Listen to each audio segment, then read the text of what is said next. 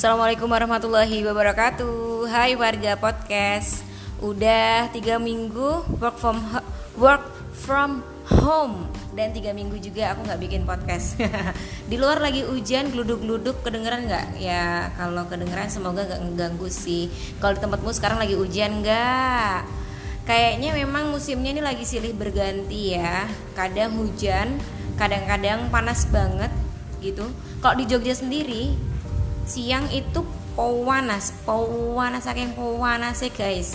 Jadi panas banget. Terus habis itu tiba-tiba langsung mendung terus hujan. Kayak gitu. Ya mungkin eh, dia sedang bersedih tiba-tiba. Karena sekarang juga lagi corona juga ya. Banyak warga yang sedih juga. Kalau di Jogja sendiri beberapa minggu yang lalu jadi dua mingguan yang lalu itu masih sepi jalanan sepi. Karena aku sempat keluar buat ngapa-ngapain. Keluarnya buat yang penting-penting aja. Terus habis itu kalau beberapa hari ini tiga hari ke belakang itu suasana Jogja udah rame banget. Kalau di kotamu gimana? Ini aku lagi ada temen namanya Shiva Halo semuanya warga podcastnya Bapin apa namanya podcastnya?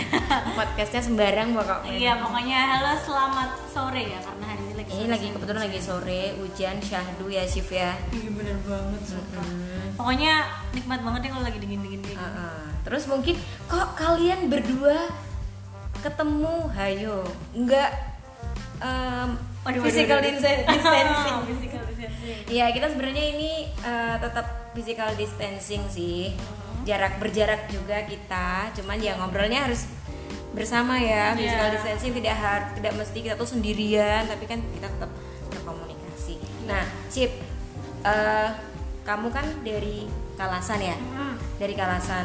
Jadi guys, yang bukan dari Jogja, Kalasan itu eh, bagiannya Bagian Sleman, Kabupaten Sleman.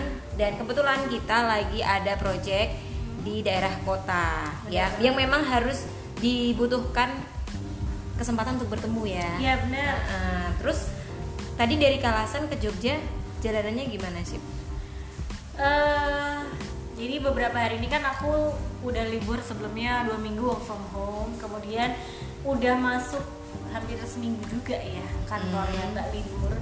Eh, jadi tetap masuk kantor walaupun jamnya itu juga ngaret-ngaretan sekarang mau Ngaret. pagi siang sore ya pokoknya ke kantor lah gitu kan. Store muka. Ah, ya. bener banget. Nah selama seminggu aku setelah work from home itu sih pada awalnya hari-hari pertama nih waktu aku Hmm. kantor tuh lumayan sepi. Cuma makin ke sini makin rame ya. Makin Nggak- rame. ah, tetap- kayaknya orang-orang udah mulai pada bosen kali ya setelah dua minggu di rumah sih gitu sih mbak. Kalau aku yang aku lihat tadi. Jadi dari Kalasan ke arah kota pun juga udah rame ya. Nah, udah rame banget. Kalau hari ini nih tadi aku ke arah Jalan Magelang. Hmm. Di ke arah Jalan Magelang itu sempat macet. Hmm. Malah bayangin macet. loh, malah macet. Iya, nggak macet yang padat kayak Jakarta tuh enggak. Ya macetnya Jogja tuh masih bisa jalan lah, tapi Iya. padat kayak gitu. Nah, tak pikir, loh, ini kenapa kok udah pada apa memang sudah pada bosan? Tapi kan memang sebenarnya kalau dari jumlah eh, kasus positif di Jogja sendiri bertambah terus ya Hmm, bener. bertambah terus terus jumlah kematian juga bertambah dan eh, baru aja hari ini hari Jumat itu turut berduka cita juga ya buat ketua apa sih majelis ekonomi Iya. eh, Pimpinan Pusat Muhammadiyah, pimpinan pusat Muhammadiyah eh, Muhammad Najih pulang ke dan itu juga karena COVID-19 Mm-mm. Ya sih eh, sedih banget ya. Ini juga jadi mengingatkan kita kembali gitu loh kalau COVID-19 nggak bisa diremehin. Iya, bukan betul. hal yang ecek-ecek, bukan penyakit yang ecek-ecek juga. Dan kita harus tetap waspada di mana pun sih sebenarnya. Iya, ya memang sih kita memang eh, nggak ngerti ya orang-orang itu pada keluar tuh kebutuhannya apa gitu. Kurang tahu juga sih. Nah Iya. karena mungkin gini ya, eh, ini semua berhubungan dengan kehidupan ekonomi kali ya. Karena kan mau nggak mau mereka juga harus tetap bekerja, harus cari pendapatan gitu untuk bertahan. Iya sih kalau dari aku sendiri eh, terutama yang rumahnya di desa ya maksudnya kan ya perbatasan lah nah kota-kota banget di kawasan itu eh, orang-orang tuh udah kayak ya awalnya tuh sepi awalnya tuh jalan sepi banget dua minggu untuk work from home tuh benar-benar sepi cuma mungkin mindsetnya orang-orang setelah dua minggu tuh ya wes coronanya bakal hilang penyakitnya ya Hmm. wes hilang awal dewe wes ndekem rong minggu nih rumah Hmm. ya wes gitu loh nggak nggak nggak berpikiran kalau ini tuh mungkin nggak cuma dua minggu karena Hmm. terbukti juga kan sekolah-sekolah kan akhirnya bilangnya misalkan kayak kemarin Maret tanggal segini masuk ternyata Hmm.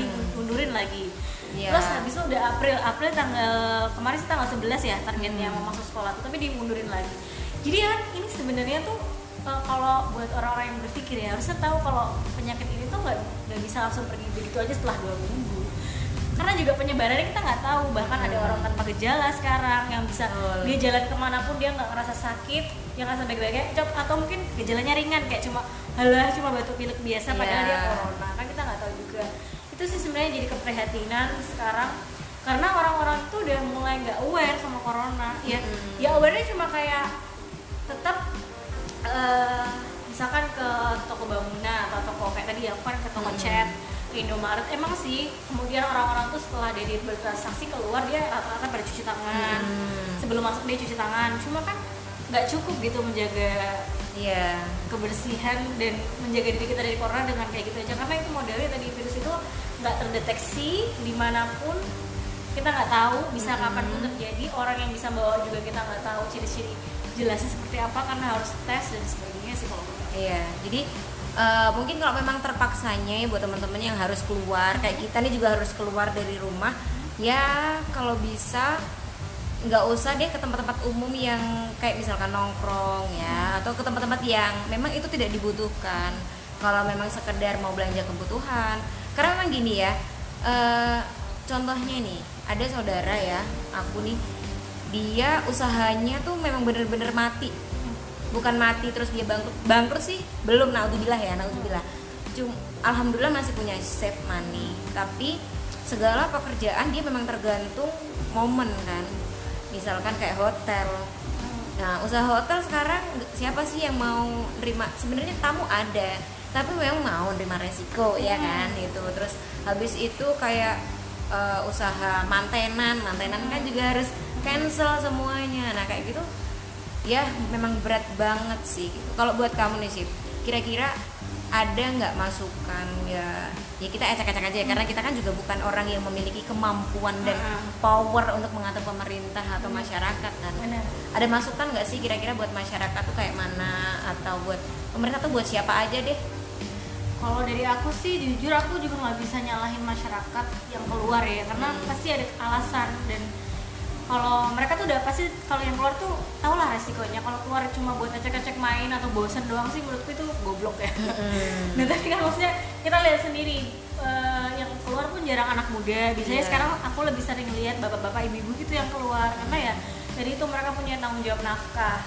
Ya satu-satunya cara ya kerjasama sih menurut aku.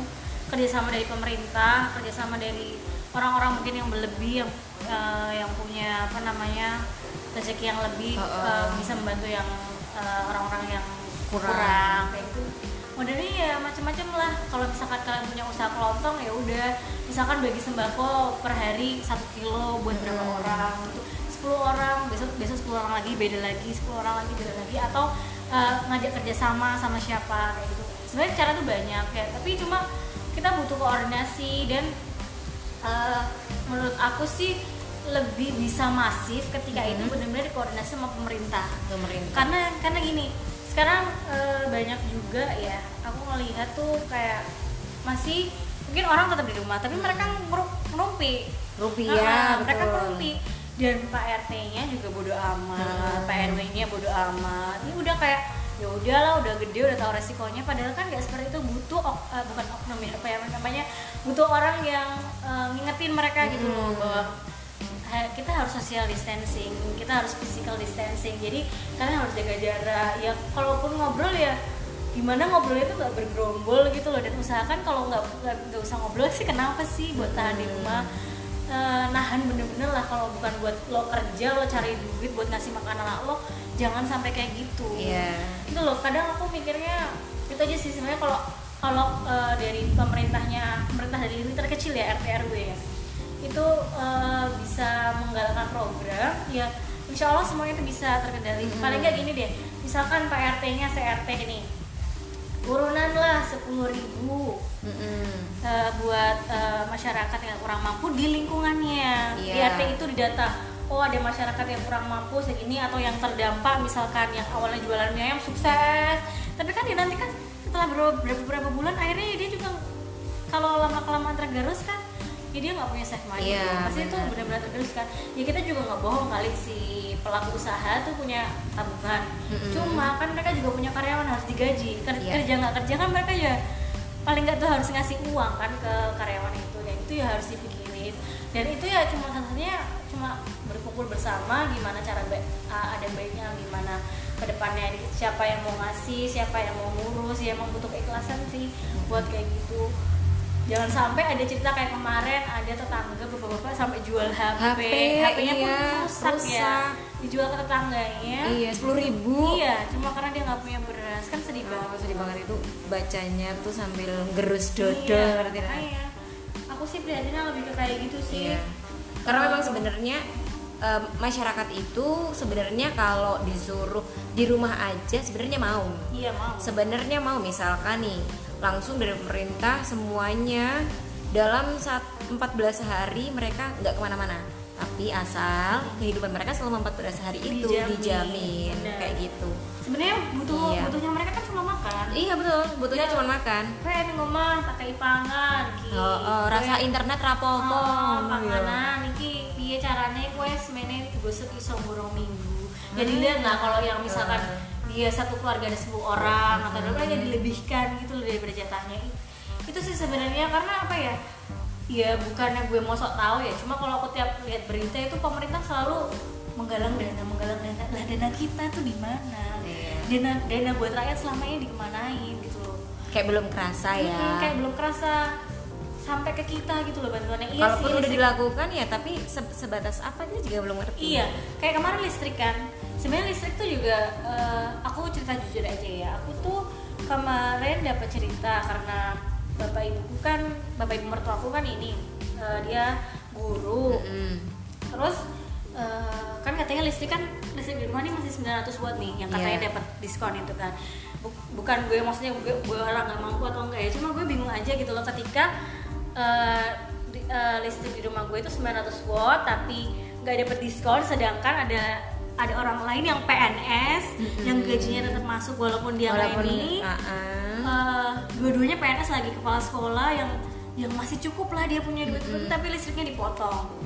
Gue bingung di situ katanya tuh buat orang yang nggak mampu tapi kok PNS yang kepala Iya. sekolah yang itu kok dapat nah itu penghitungannya kayak gimana? Padahal kalau misalkan dilihat dari surat rumah keterangan apa apa jelas eh, apa namanya surat rumah yang gue tempatin itu eh, bu- punya bude gue karena sebelumnya itu harusnya kan nggak punya kerjaan saya dia yang dapat Iya. tapi kenapa yang dapat orang lain ya sebenarnya nggak gue nggak masalah sih mau dikasih apa enggak cuma kan jadi kalau kita jadi tahu prosesnya kan jadi kayak loh ini pemerintah nih gimana sih yang dibantu tuh jadinya yang mana Jadi kayak kurang tepat sasaran Iya, aja ya. sasaran Jadi mungkin eh, butuh administrasi atau pendeta, pendataan yang benar-benar tuh terkoordinasi dengan baik dan segala macam bantuan itu harus tepat sasaran. Benar, benar Gitu. banget. Karena kalau nggak tepat sasaran, karena sebenarnya masih banyak juga orang yang yang punya save money, punya mampu kayak gitu.